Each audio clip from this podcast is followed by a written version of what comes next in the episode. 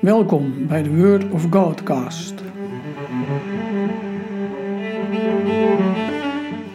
Mijn naam is Wim van Wijk.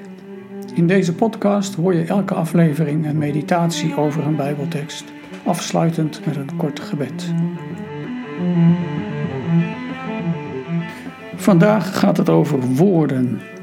Wees voorzichtig met je woorden, naar aanleiding van Prediker 5, vers 1. Onze cultuur wordt wel getypeerd als een beeldcultuur. Het scherm van de tv, de computer of het filmscherm in de bioscoop bepalen onze focus.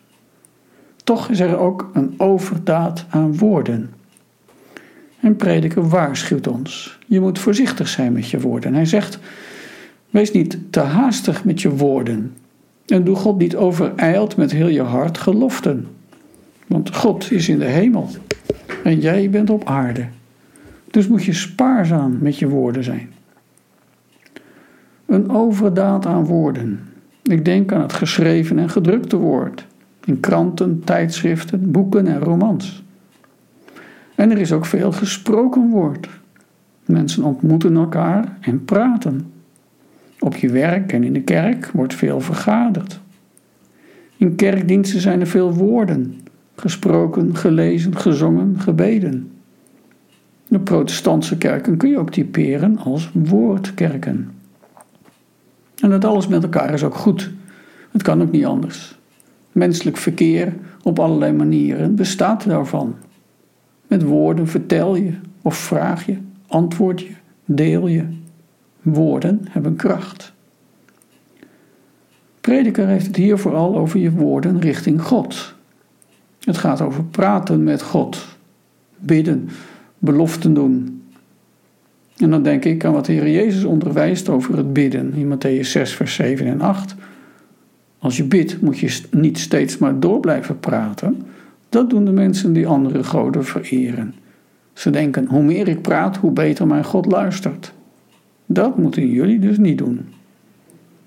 Het is een heidense manier van denken en doen dat als je maar veel woorden gebruikt en veel bidt, dat je denkt dat je dan Gods aandacht kunt krijgen en hem naar je hand kunt zetten. En een christen kan ook zomaar dat idee hebben, dat juist dat goed is.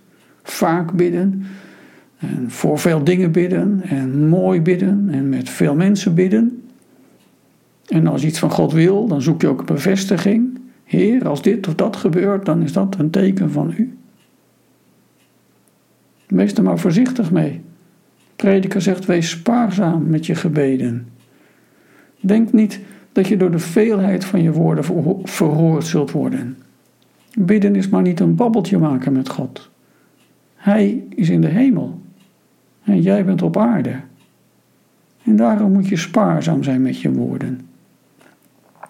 Trouwens, zegt Jezus, je Vader in de hemel weet al lang wat je nodig hebt. Dat weet hij al voordat je het gevraagd hebt.